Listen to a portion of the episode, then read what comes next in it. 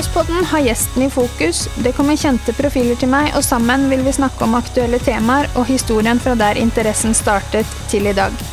Noe av det jeg er genuint interessert i, er å høre hvordan folk jobber for å komme dit de er. Kanskje det er noe flere kan lære av. Hva som kreves for å bli best, hvordan de trener, om kosthold og matinntak er noe de har kunnskap om, hvem som har vært der for dem på veien, hvordan fungerer det å være en del av et stort team i innland eller utland, om de høye toppene eller hvordan snu nederlagene. Kort sagt så håper jeg på å komme litt under huden deres i løpet av tiden vi snakker sammen. Selv er jeg bare en MX-mamma, den som skrur på syklene våre og nybegynner på banen. Sammen med gjestene så håper jeg dere vil høre historien deres både interessant og lærerik. Velkommen til Motocrosspodden.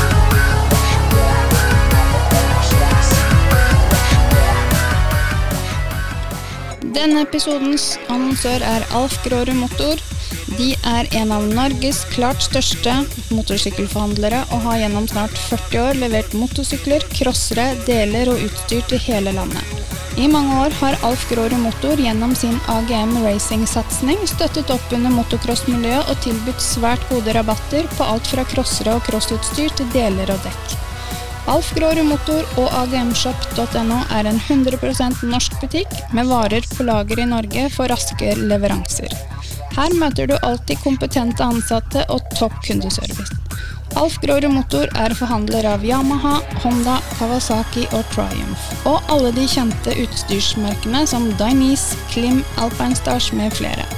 De tilbyr også et rikholdig utvalg av reservedeler, dekk og tilbør til alle kjente motorsykkelmerker. Besøk Alf Gråre Motor på Borgenhaugen ved Sarpsborg eller nettbutikken agmshop.no. I dagens episode så har jeg med meg på telefon en 19 år gammel gutt fra Trondheim. Navnet mitt er Cornelius Sønder, 19 år som du sa. Kjører profesjonelt motocross og er bosatt i Nederland, men akkurat nå hjemme i Norge for å gjøre siste rett før NM. da. Og ja, eh, forhåpentligvis få med et bra resultat derfra før jeg drar ned og fortsetter treninga mi igjen. Ja, for du eh, skal stille i NM nå. Du blir ikke med i lag-NM, stemmer det, eller? Ja, det stemmer. Eh, nå blir det jo noen treninger forhåpentligvis i helga og starten av neste uke før vi kjører til Stavanger og kjører MX2 lørdag og, og MX åpen søndag. Og så eh, er planen å dra ned til, til Nederland og fortsette treninga. Det skal komme en ny kalender nå på, på EM- og VM-løpene, så det er litt usikkert uh, akkurat nå hvordan det blir. Men forhåpentligvis så er det da bare tre uker når jeg er ferdig til første VM-runden i 2050. Ja, Det blir spennende. Du snakka om NM. Eh, hvilke, hvem er det du tenker på som dine argeste konkurrenter i NM? Ehm, sånn som det gikk i fjor, så er det jo Even Høiby som uh, er største konkurrenten, tror jeg. da. så er det jo Sandra Mikkelsen og Håkon Mindrebø tror jeg skal kjøre, og det er jo flere gode som, som stiller. Så det må være skjerpa og og gjøre mitt beste. Jeg kan ikke bare komme dit og tro at jeg skal vinne. Så Nei, for det er mange, det, mange gode her i Norge òg, er det ikke det? Jo, og så er det jo eh, sånn som det er i alle andre land at hvis du drar til Sverige, så er svenskene eh, eksepsjonelt gode på svenske baner. Ja. Akkurat som nordmenn er veldig gode på norske baner. Så det er ingen walkover. Det er ingen walkover, nei. Men hva er det egentlig forskjell på baner her i Norge og kontra de du kjører på nedover i Europa? Eh, det som er forskjellen på eh, NM-standard og en EM-runde, er at de treffer banen på en helt annen måte. Så du vil få eh, mye dypere spor, mye større dumper, og det blir en helt annen flyt i dumpene, for det er jo mye flere som eh, kjører fort. Mm. Uh, si at du liksom har så har NM, og så har du fem stykker som kjører uh, litt fortere enn resten. Mm. Og så går liksom nivået litt ned, men uh, i EM så er det det er liksom helt til Ja, egentlig alle som kvaler inn til heatene av topp 40, kjører sykt bra. Så mm. det blir en helt spesiell flyt i banen, og du får liksom så mye valg og muligheter på forbikjøringer og forskjellige sporvalg som du kan ta. Mm. Er det større betydning nedover i Europa i forhold til det å komme først ut av grinda i forhold til her i Norge, liksom? Det er jo øh, Det har jo skjedd øh, på flere løp nå i VM at øh, det er så mange som kjører fort, og det er så mange som kjører like fort at hvis du har en dårlig start, så klarer du ikke å kjøre deg opp i feltet. Så det er alltid en som er fram i starten, som er fram i slutten av heatet. Det er eh, veldig få unntak da, eh, mm. som, eh, som, klarer å kjøre seg opp. da, Men så snart ser det ut i år, så er det, det er så mange gode at du må være med i starten hvis du skal være i toppen i mål. Mm. Ja, for nå har ikke jeg vært og sett på et eh, løp eh, nedover Jeg har egentlig bare vært i Norge, men, men jeg har jo sett på MS, MXGP på TV, og det er jo som du sier at uh, har du en god, god start, så, så, er du nesten Tryner du ikke så, og holder deg på sykkelen, så er du nesten Du vinner ikke, men du må, du må jo jobbe for det da òg, men da er det enklere å holde teten, da, i hvert fall. Ja, absolutt. Det er jo, eh, det er jo så små detaljer som, eh, som, avgjør det. Så når alle sammen har gjort eh, samme forberedelsene, har like bra fjæring, like bra sykkel, har like bra setup og har forberedt seg like godt, da, så er det bare de små detaljene. Og ja, starten er utrolig viktig. Da. Så mm. Forskjellen på seier kan jo være å liksom komme ut som to eller fem. Så det er veldig små marginer. Ja, nei, for det er, jo, det er jo som du sier også i forhold til banene, så ser de jo banene I hvert fall på TV, som jeg sier, så, så ser jo banene helt annerledes ut. Du har jo noen, noen uh, spor som er relativt dype, da. Ja, det subber jo både ramme og fotgjengere, uh, og det handler jo om å være kreativ og ha blikket langt fram. og Mm. Og eh, se muligheter og valg da, som uh, de andre ikke ser. Så hvis du liksom kan finne et spor der du, hvis du har dårlig start, da du kan finne et spor der du kan uh, kjøre forbi én hver runde. Ja. Og du bare plukker alle sammen der, og det er ingen andre som har uh, plukka opp det sporet, så er det mye lettere å uh, komme seg opp i feltet. Så nei, sporvalg er utrolig viktig på sånne baner når det er så dypt og, og de fleste blir litt lost at hvis de har begynt å kjøre til et spor, så klarer de ikke å bytte. Men hvis du klarer å liksom uh, deg til banen på en annen måte og liksom være, være, kreativ, ikke være redd for å prøve ytteren liksom, uh, i den svingen, eller prøve å hoppe på høyre istedenfor venstre på det hoppet, eller det, sånne ting. da.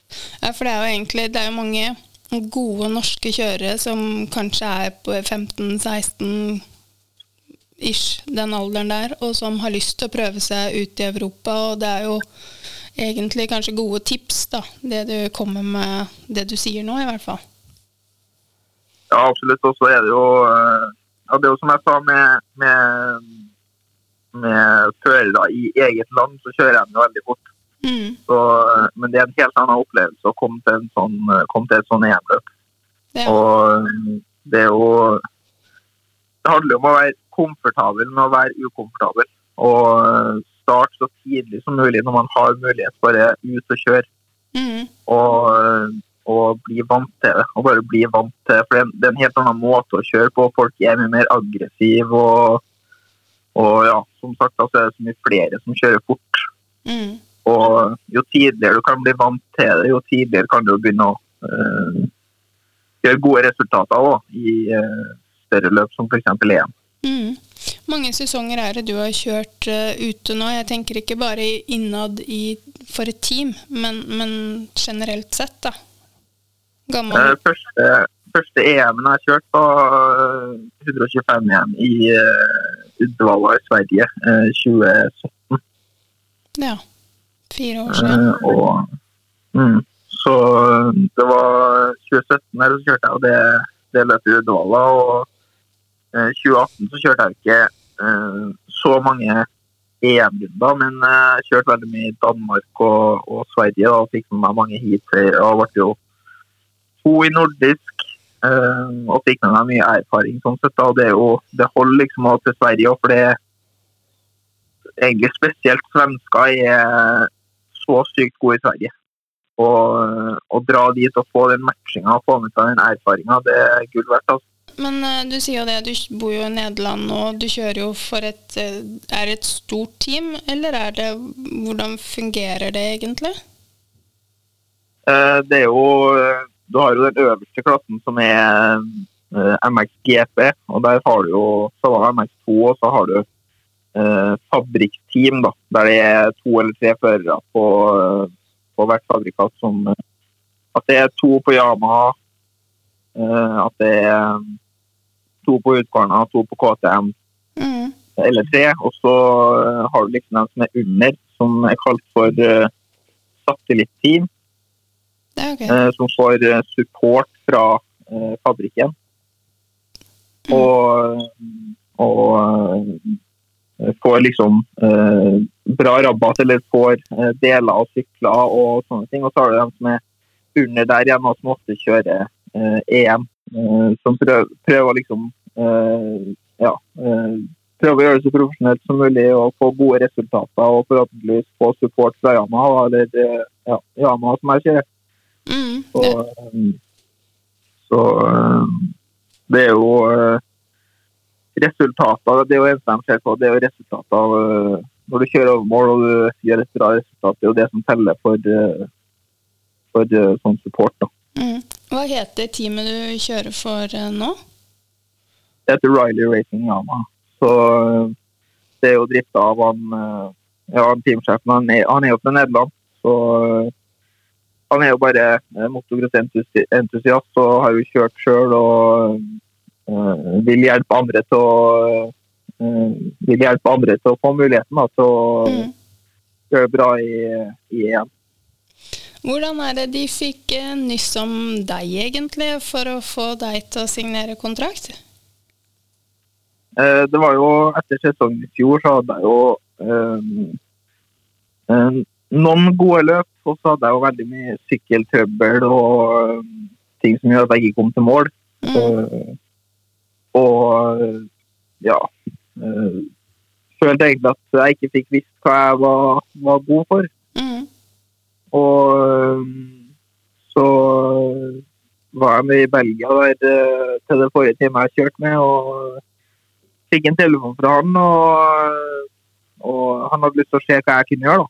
Eh, Så han hadde lyst til at jeg skulle komme og stå sykkel, for han, eh, han kjente han manageren på det gamle teamet. Og hadde snakka med han og liksom fått inntrykk av at, av at jeg ikke hadde fått visst fram det jeg egentlig kan. da. Mm. Så han uh, var jo interessert i å se hva, uh, hva jeg kunne gjøre. Ja, ikke sant? Så det gikk det ikke mange dagene før eh, jeg var der og testa sykkel, og, og kontrakten var klar. Ja, det er bra.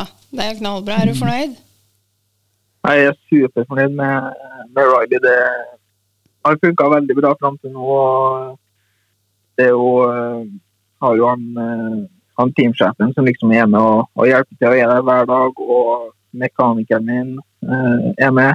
Mm. Eh, Han skrur og sykkel og fikser hele den biten. Og så eh, Espen Blikstad, som er crosstrener.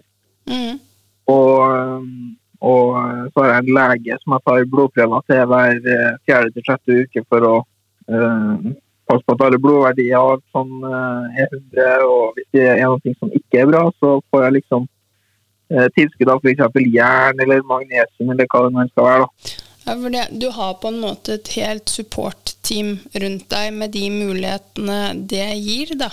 Og, og det, det høres jo veldig bra ut, da.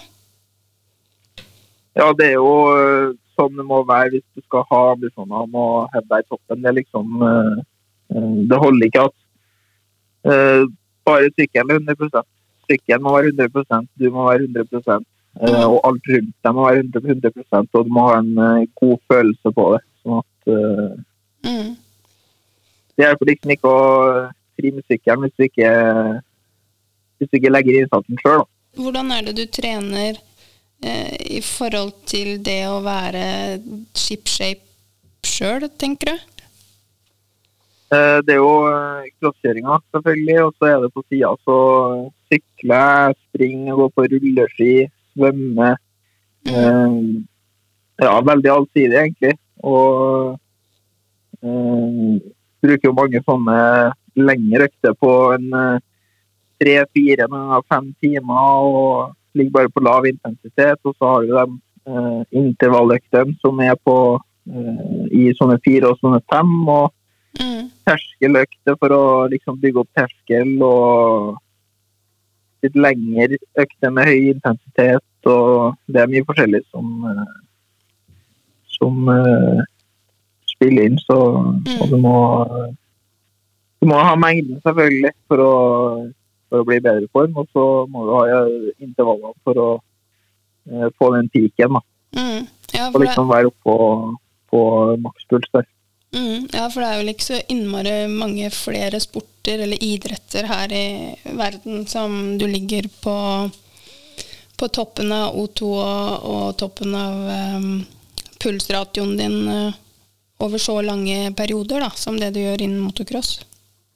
Ja, det er sant. Uh, Jeg har jo uh, Når jeg springer en løpeintervall, f.eks., så eh, jeg eh, åtte ganger fire minutter, eller seks ganger fire minutter med to minutter pause. Og eh, er oppe på makspuls på første tre dragene på kanskje 186. Mm. Og eh, bare for å holde syra litt unna første dragene, og så liksom helt på slutten der og liksom komme opp på en 194-195. Mm. Og når jeg kjører halvtimen tid på gross, så er det jo ligger jeg mellom eh, 186 og 194. eh, Og ligger der i 30 minutter på stor runder. Eh, Så det er jo eh, helt ekstremt. Ja, det er det. Det er ikke mange andre som Hvis jeg skulle ha løpt med en puls på 186, så hadde jeg ikke klart å løpe i eh, et kvarter engang. Så Nei, det er helt spesielt. Ja, det er, det er jo det. Og, men, men holder dere Måler dere laktat eh, under disse øktene der, eller? Melkesyre? Eh, vi bruker ikke, egentlig så bruker vi ikke å måle laktat under økten. Jeg har målt laktat eh, på et SM-løp i Sverige tidligere i år. Mm. Og eh, da var laktaten min helt opp på 15, som er ekstremt høyt. Så det var rett etter riset, da. Så Nei, det er en ekstrem melkesyre. Så Mm. ja, det er jo melkesyre og pust og muskler og utmattelse, og det er jo Det er liksom ikke som når du, når du driver med løping, at det, at det er lårene som stopper, at det er pusten som stopper. liksom Det er hele kroppen fra, Mm. fra tærne til ørene. Du bruker alle muskler. Ja, du gjør jo det. Er du gæren? Jeg er jo kjøpt meg sykkel eh, i fjor høst, og jeg kjører rundt i forhold til deg, så tror jeg jeg putrer rundt. Jeg tror jeg kunne Ja. Men, men eh, ja, det er eh, kjempetøft, og, og det er eh, Men det er veldig moro, da. Det er jo det viktigste. Ja, det som du sier, så er det, det er jo supermorsomt å, å kjøre cross. Og det er viktig å ha det morsomt når du kjører òg, for eh, den dagen det ikke er morsomt å kjøre cross lenger, så eh, er det på tide å slutte. Ja, det er jo det. Det er jo eh, Og det er jo kanskje et råd til dem små å ikke ta det for seriøst eh, hele tida og alltid eh, komme på at du skal ha det morsomt når du kjører motorsykkel. For det var derfor du starta å kjøre motocross. For det var, det var kult. da. Mm. Ja, absolutt. Gammel var du når du starta? Jeg prøvde en gang da jeg var fire, og Mhm. så gikk det ganske bra. og Jeg husker ikke det her, men jeg har blitt gjen- gjenfortalt det. Mm. Så øh, prøvde jeg en gang, og det gikk ganske bra. Og så, og så tryna jeg, og da ble jeg ganske redd. Og så hadde jeg et lite opphold der. Eh, kanskje jeg ble fire og et halvt, fem. Eh, og når jeg starta da, så har jeg jo holdt på siden. Så. Hva er det du starta på? Var det en sånn liten TV50 Yama. Ja, ja, ikke sant? Du er tilbake til der du starta, med andre ord, i forhold til sykkelmerket. Ja, det, det er jo litt morsomt. Så starta på Yama og er på Yama nå, så, og det føles jo veldig bra. Så mm. Hvordan er du vil beskrive deg som, som en fører? Er du på en måte aggressiv, eller er du litt mer sånn avventende for å se hva andre gjør på banen, eller er du den som på en måte tar, tar styringa, eller hva jeg skal si da, er litt mer på hugget? Jeg vil si at jeg er veldig på hugget. Eh, når, når jeg føler meg bra og kjøringa, når jeg har bra flyt så et veldig godt eksempel er jo sånn som det, det løp i Sverige tidligere i år. Der vant jeg jo fire av fire hit. Men jeg kjørte treningssykkel, så jeg hadde ikke noe bra start. da. Jeg måtte kjøre forbi 10-15 stykker hvert eneste hit. Um, og alle sammen snakka om at nei, det var så vanskelig å kjøre de på banen, og det var liksom ingen plasser det gikk an å, å avansere framover. da. Mm. Så, så hadde jeg liksom sett meg ut noen plasser på banen der jeg kjørte der jeg visste at jeg kjørte mye fortere enn alle andre, og der jeg visste at jeg kunne uh, kjøre forbi veldig mange. Mm. Og uh, kjørte meg opp fra 13. til andreplass på to runder. Oi, Og når vi passerte uh, ut på tredje runden, så gikk det en halv runde før jeg tok han som lå først. Mm. Og, og vant heatet, da. Og det var jo sånn tre av heatene, da.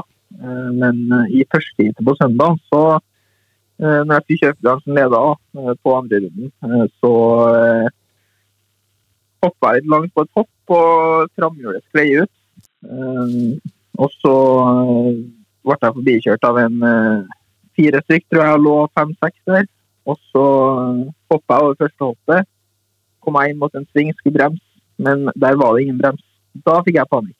Uh, uten frambrems på en knallhard bane med tighte svinger, det er jo et mareritt. Så Mm. Uh, du bremser inn i hver sving, så jeg måtte jo liksom uh, det, Da måtte jeg jobbe veldig med hodet for å klare å uh, nullstille og ikke tenke at uh, det her går ikke. Uh, det blir helt umulig å kjøre uten frembrems. Jeg uh, ble veldig kreativ og liksom kjørt yttersving i alle svingene og bare holdt farta opp, for jeg hadde ikke brems, jeg fikk ikke stoppa for å gå på innhent. Så jeg måtte bare kjøre store, runde linjer og finne flyten igjen. da, Og så eh, lå jeg vel med en sju-åtte minutter igjen der eh, før vi skulle få torunderskiltet og tenkte at eh, nå blir det fjerdeplass, for det var der jeg lå, og det var liksom et stykke fram. Mm. Og så ser jeg at jeg begynner å ta inn barn som ligger først. Mm. Og de eh, to som lå to og tre, da, de hadde tatt inn barn som de lå liksom og sperra hverandre og prøvde å kjøpe hverandre. Så jeg tok inn veldig mye der på et par runder bare. Mm. Og, eh, og kom på bakhjulet. Og når det var eh, en, under en og en halv runde igjen, så tok jeg eh, dem som lå eh, eh, to og tre Mm. i eh, inngangen på en split lane, så tok jeg den første. I utgangen tok jeg den andre. Og så gikk det en halv runde, så tok jeg den som lå første, og da var det bare en halv runde igjen. Så det var jo på tide. Ja, det var eh, på håret, eller noe sånt heter. Ja, det var det. Så Nei, det var rå opplevelse. Ja, det skjønner jeg. Det er jo noe du kommer til å huske for alltid, liksom. Ja, jeg følte jeg jobba ekstremt bra, bra mentalt og klarte å nullstille. Mm. Eh, Det er jo veldig mange som bare hadde svingt av og tenkt at det er ikke noe vits å kjøre når du ikke har fram igjen. Og spesielt på en sånn bane. Det, liksom, det utgjør ganske mye mer på en sånn bane enn det ville ha gjort på en eh, sandbane der det er bare store, åpne svinger. Har du fått noe hjelp til å jobbe mentalt, eller? Ja, jeg jobber ganske tett med Frode Moen på Olympiatoppen her i Trondheim. Ja. Så vi har mange Zoom-møter og snakker med han mellom eh, nesten hvert løp. Så eh, han har absolutt hjulpet meg med veldig mye mentalt. Og det er fint å eh, ha noen liksom å, å snakke med hvordan, hvordan det gikk og hvordan man, eh, hvordan man jobba for å eh, Ja, sånn som da hva jeg gjorde eh, bra, og hva jeg eventuelt kunne ha gjort bedre. Mm. Ja, for det å kunne klare å nullstille seg mentalt, jeg tenker at det er en, egentlig kanskje en stor del av eh, hverdagen i forhold til det å kunne prestere på topp uansett løp, da. Ja, det er jo ekstremt, ekstremt viktig, for det er jo når du får en liten nese, så kan du ikke bare grave deg ned og tenke at uh, Nei, nå, nå, går det ikke noe mer, nå klarer jeg ikke noe mer. Du må jo alltid hige etter å uh, gjøre, gjør ting bedre. og Hvis du gjør en liten feil og det er et løp som ikke går bra, hva var det du ikke gjorde bra? Uh, og hva kan du gjøre for å få det til å bli bedre? Og alltid jobbe fremover. Men er det vanlig at alle jobber like bra mentalt som det du gjør eh, i toppen? På toppnivå i eh, EM og VM så nok, eh, jobber nok de fleste ganske bra mentalt. Mm. Men hvis du går litt, litt ned, og liksom litt i Norge og litt Sverige, så Eller egentlig er det verden, da, bare gå litt ned på nivå. Mm. Så er det ikke alle som jobber like mye mentalt og, og går like i dybden på det. Nei, nei, for jeg tenker at det, der er det en ganske mm, god jobb da, som må gjøres for å nullstille seg eh, både når ting går bra, men også når ting går dårlig. da. Det handler om å bare, bare jobbe med ting som, eh, man må jobbe med, og det man gjør bra, og bare fortsette å gjøre på samme måten. Mm, ja, absolutt. Så, så, nei, det er jo det er som jeg sa, at uh, alt må være 100 Det hjelper ikke om uh, uansett hvor mye du trimmer sykkelen, så hjelper det jo ikke. For uh, hvis du ikke klarer å jobbe bra mentalt og klarer å stenge ut ting du ikke skal tenke på, og ikke klarer å fokusere framover, da, så vil du ikke klare å presse noen resultater uansett. Og hvis du ikke er i god form i tillegg, og det er bare sykkelen som får racefuel, så, så hjelper det ikke. Nei, nei, det gjør jo ikke det. Nei, absolutt ikke. Du snakka om at du var hjemme nå og skulle ned til Oslo for å trene, trene litt eh, til helga. Eh, mm. Er det via det norske teamet ditt, da, eller? Eh, det er Ståle Bjørdal som jeg får låne uh, 450 som jeg skal kjøre NM på. Mm. Ja, fra Også, Next Level. Ja. Og 52 da, som eh, Kjetil Gundersen på IRC har, har, eh, har satt opp. Som jeg har for, for låne på NM der, da. Ja, nei, For du tilhører vel kanskje enda next level, eller er du på en måte uh, jeg, er jo, jeg, er jo, med i next level, uh, men jeg kjører jo ikke for det next level uh, professional-teamet. Det er jo Elias Martinussen gjør. Mm. Så, men jeg er, med, jeg er, med, i next level og er med når jeg kan, skal jeg si. Så mm. Ja. Når jeg er hjemme og har mulighet til å uh, være med på samling eller stille opp, så uh, prøver jeg å være med så mye jeg kan. Da. Ja, ikke sant. Ja, for du, når, jeg vil tippe at når du er der, så er jo du et forbilde for mange, eller egentlig kanskje alle sammen, som er på det teamet. Og eh, de ser vel kanskje veldig opp til deg. Og er det noe du er bevisst på sjøl, egentlig? Det å være et forbilde for de som kommer etter deg, da? Jeg føler at det er veldig viktig å, å bidra og hjelpe dem som, eh, som er små og liksom uh, vil prøve å bli gode. Mm. Og uh, gi dem samme mulighetene som, som, jeg fikk, og gi dem så mange råd og hjelpe dem så mye som mulig på veien. så er det jo til syvende og sist dem som må, gjøre, som må legge ned jobben. Mm. Men, men råd og tips kan jo, kan hjelpe. Mm. Så jeg prøver å stille opp og hjelpe så mye som mulig når jeg kan det. Mm. Ja, for det er jo Jeg vil jo tippe at du er en eh, inspirasjonskilde og et stort forbilde for veldig mange av de som, som kommer oppover i dag, da. Det, men har du noe forbilde sjøl nå, eller er, føler du at det på en måte Jeg vil alltid ha forbilder. Eh, mm. Uh, uansett hvor, hvor, god jeg blir, så Det er vel uh, Jeffrey Hurlings, han er jo liksom uh, Han er helt rå mentalt. Mm. Og uh, når han er på sitt beste, så er det ingen i verden som kan slå ham. Uh, han vant jo første IT i Nederland i oss for noen uker siden med knekt skulderblad. Mm. for det var han som landa på ryggen på han i starten av heatet. Ja, så han kjørte en halvtime pluss to runder med knekt skulderblad. Um, og det er så knallhardt mentalt mm. å klare å, klare å gjøre det på en sånn bane. Mm. Det var ekstremt dumpete. Mye opp og ned, hopp, Og dype spor Sanna var superkrevende. Han eh, klarte å liksom slå alle de beste i verden, sjøl med, med knekt skulderblad. Mm. Ja, Det er, sånn, det, er, det er en sånn prestasjon som eh, Det er ingen andre enn han som kunne ha gjort det. Du er ikke den eneste jeg har snakka med som har eh, Jeffrey Hurlings som eh, forbilde, for å si det sånn. Nei, han er Det er en grunn til at han er forbilde, for å si det sånn. Han, eh, Mm. han er veldig disiplinert og gjør en ekstremt bra jobb for å klare å prestere sånn som han gjør. da. Ja, han er jo ekstremt dyktig. Det, det har jeg jo sett sjøl også, det, så absolutt. Eh, men du er på landslaget enda, ikke sant? Ja, jeg er på landslaget. Mm. Så jeg har tett kontakt med, med Espen og snakker nesten med han eh, hver dag. Så eh, Mm. vi eh, har en veldig bra dialog. Mm. Er det noen samlinger og, og sånne ting fremover der, eller?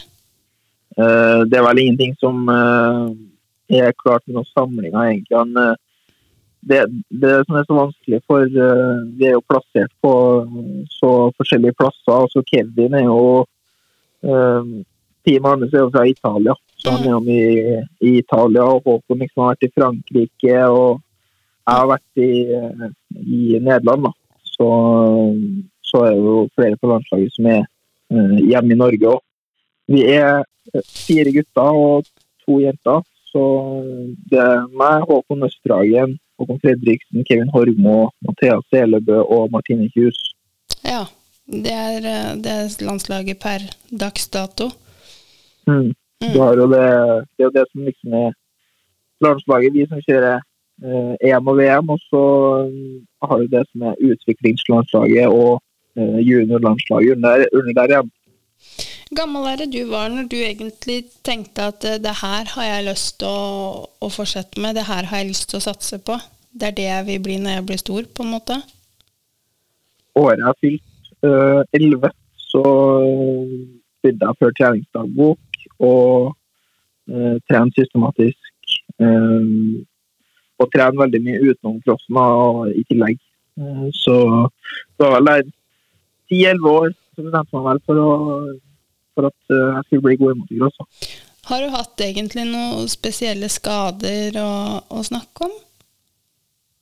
Eh, når jeg var 11, så fikk jeg hjernerystelse og måtte med luftambulanse fra Mosjøen til Mo i Rana. Eh, og lå i koma, våkna neste morgen og huska svært lite. Mm. Eh, og eh, jeg hadde en krasj i USA eh, vinteren eh, 2017 til 2018-sesongen. Mm. Eh, der jeg knakk eh, kragebeinet og punkterte lunga. Brista to ribbein. Eh, så trodde jeg først jeg knokk i ryggen, men det hadde jeg ikke. Eh, så det var veldig flaks. Eh, det var jo eh, vi var, Det var en helt vanlig treningsdag, og eh, jeg hadde kjørt noen runder på oppvarminga, og så eh, på største hoppet på banen så stoppa sykkelen i lufta. Oi. Eh, og ja, full gass på femtegiret. Sikkert eh, 60-70 km i timen og landa med sykkelen oppå meg eh, på magen. Å, fy søren. Ja. Så det var ikke så eh, artig opplevelse. Men eh, etter det så har jeg vært ganske heldig med sånne store skader, egentlig. Mm.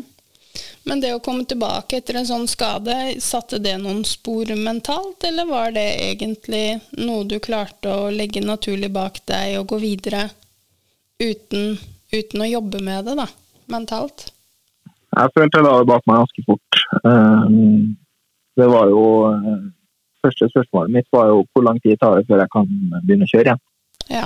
Eh, Så jeg var jo tilbake på eh, to uker før eh, første NM-runden i eh, Molde den sesongen.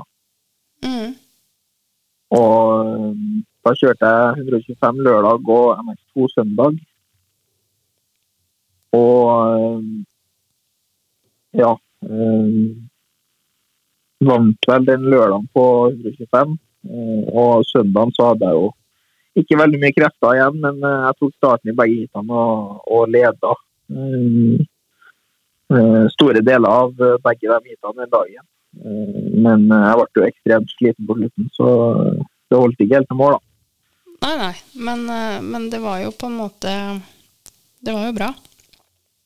Ja, det var bare to uker på sykkelen. Liksom etter et så langt avbrudd, så var jo det en ganske bra prestasjon. Og så begynte jeg bare å kjøre fortere og fortere utover sesongen. Og siste NM så, så vant jeg jo siste hit der. Ja. Eh, så, og vant eh, totalen for eh, den dagen, da. Så ble jeg tre totalt i NM i NX2. Og eh, vant 125-tittelen. Ja. ja nei, det er jo Du har to NM-titler, har du det? Ja. Mm. Hvilke Eh, To i 125. Det var én i 2017 og én i 2018. ja. ja, det er jo kjempebra jobba, da. Det, det absolutt. Så, så det Takk. Ja, det er, det er kjempebra. Det er, det er moro å følge med på dere som kjører i utlandet, og nå har jo vi en sånn, i hvert fall min familie, en liten forkjærlighet for Yamaha, så det blir jo til at man følger litt ekstra godt med da. Så, Mm. Så det så absolutt, nei, det er, det er moro, moro å følge med. Det, men hvem er det som har betydd mest for deg egentlig på veien dit du er i dag? Eh, nei, det er vel eh, farmor og farfar. Han har jo vært med meg helt siden jeg starta. Mm, Eh, og de har jo vært utrolig viktig sammen med mamma og pappa, og har jo alltid, alltid vært med. mm, Um, så har jeg hatt eh, Frank han har liksom uh, vært mekanikeren min, skal jeg si. liksom Hjulpet oss med stempelbytte og større ting som, eh, som må fikses med sykkel. Um, det, det er så mange jeg, jeg, glemmer sikkert mange, men, uh, men det er utrolig mange som har vært med og forma meg til den jeg er i dag. da. mm, ja, for det er Så, sikkert ikke enkelt å komme dit du er i dag uh, aleine. Det, det tror jeg nok ikke. Jeg hadde aldri vært her i dag hvis jeg ikke hadde uh, farmor og farfar eh, og mamma og pappa.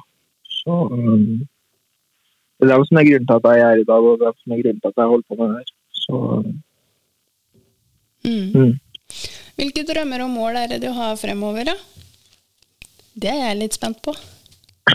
eh, Det store målet er jo eh, å bli verdensmester, så alle delmål på tur dit er jo bare eh, Ja, det er jo bare delmål. Så, så nå ligger jeg jo seks sammenlagt i EM etter eh, litt trøbbel siste rundene og en god del uflaks.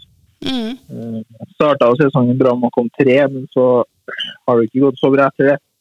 Nei. Så nå en liten pause, og så bare få, få trent godt og være 100 når eh, EM starter igjen. Og så forhåpentligvis komme seg så nærme podiet som mulig, og forhåpentligvis opp på det uh, totalt i slutten av sesongen. da.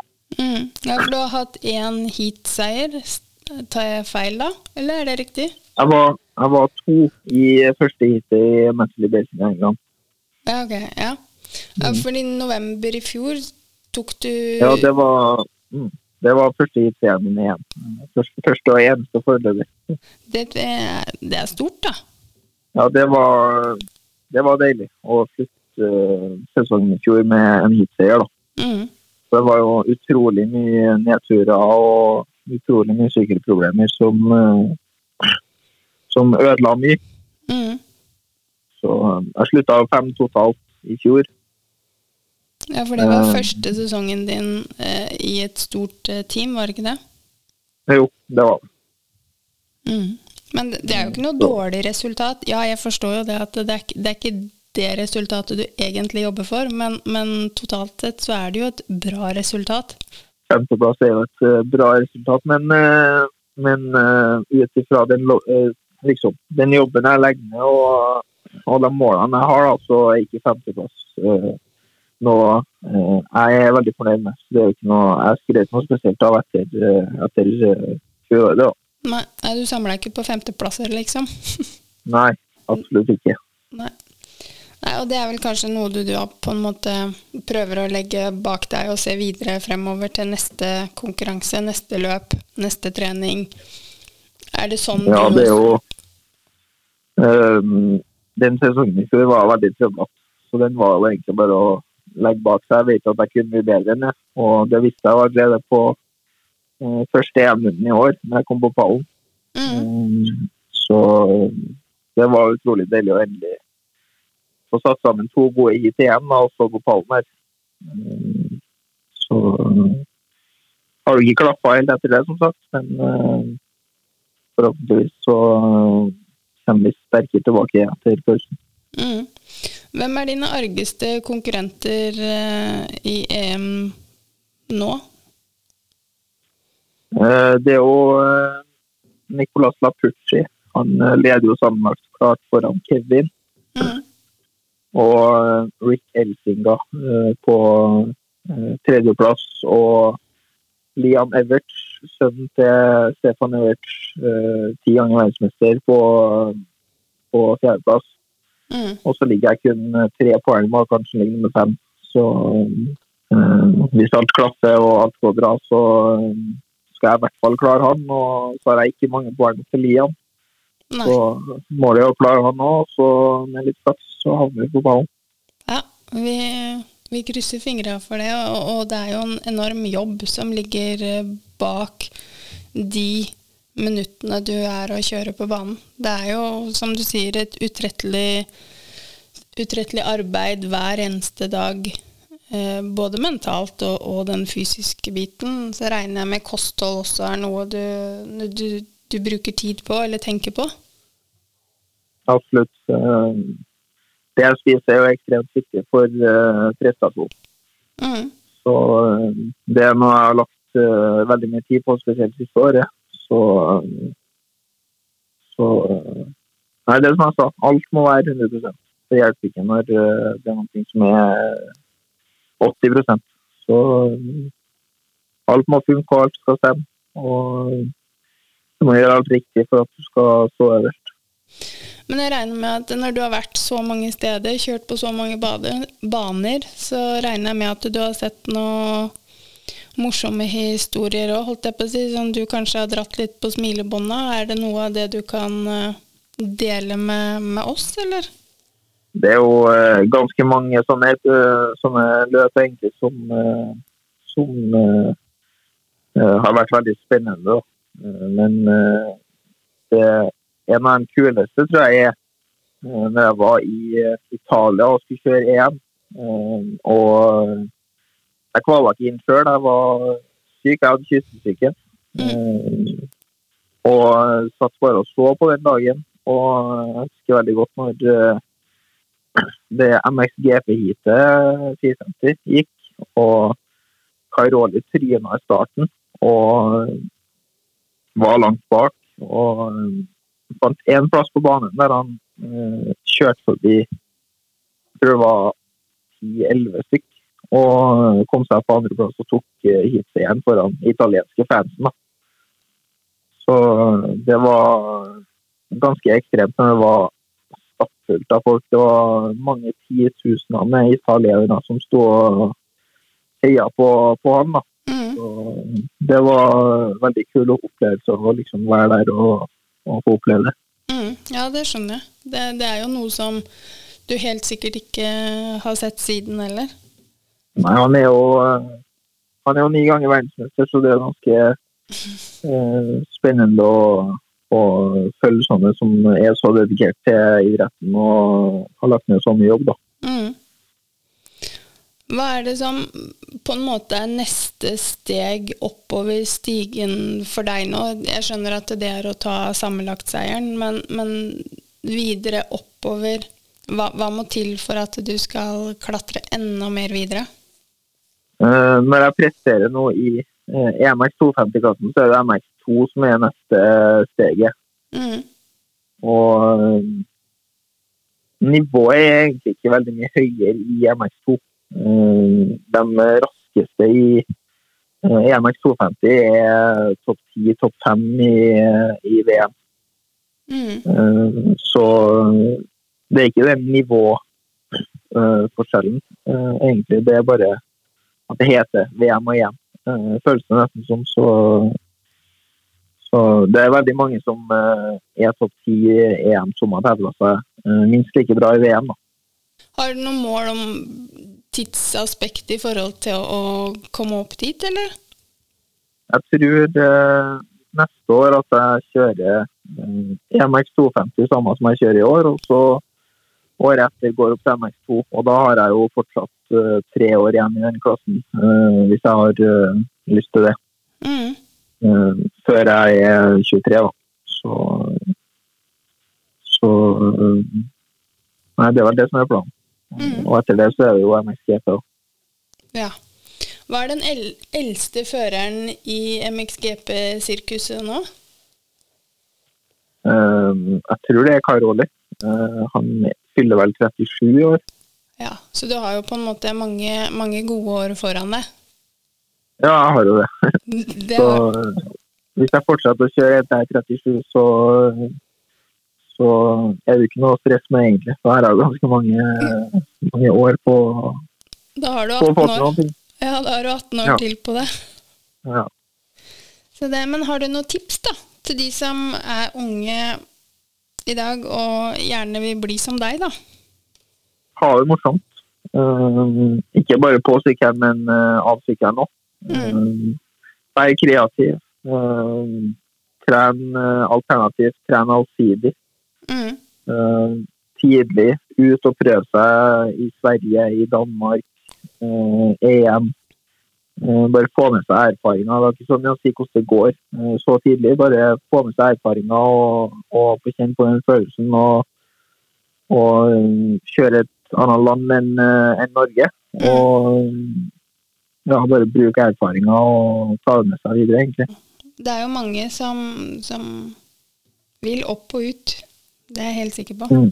Og det er jo Mm. mange, mange gode. Vi har Marius Nordbø og, og, og mange flere enn han også som, som eh, er crazy på sykkelen.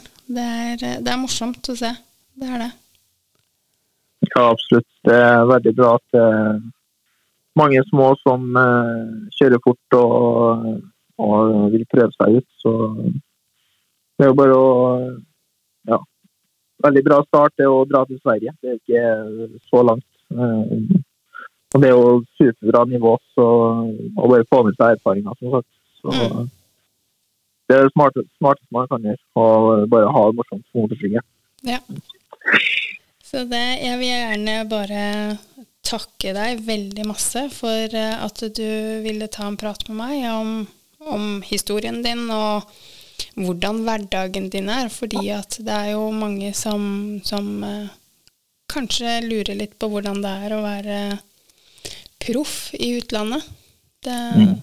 så Nei, jeg vil bare takke deg for at du, du hadde tid og mulighet til å, til å ta en prat, og så ønske deg veldig lykke til fremover, både med, med sykkel og med sesongen og neste sesonger, og nå målene dine. Det, Tusen, tusen takk. Ja. Eh, Og tusen takk for at jeg fikk være med. ja, det var utrolig hyggelig å prate med deg. Det, det må jeg si. Så lykke til videre. Så, Nei, så ses vi helt sikkert på en eller annen crossbane rundt omkring, enten det er i Norge eller eh, vi stikker nedover og ser på deg. Så tusen hjertelig takk. Tusen takk sjøl.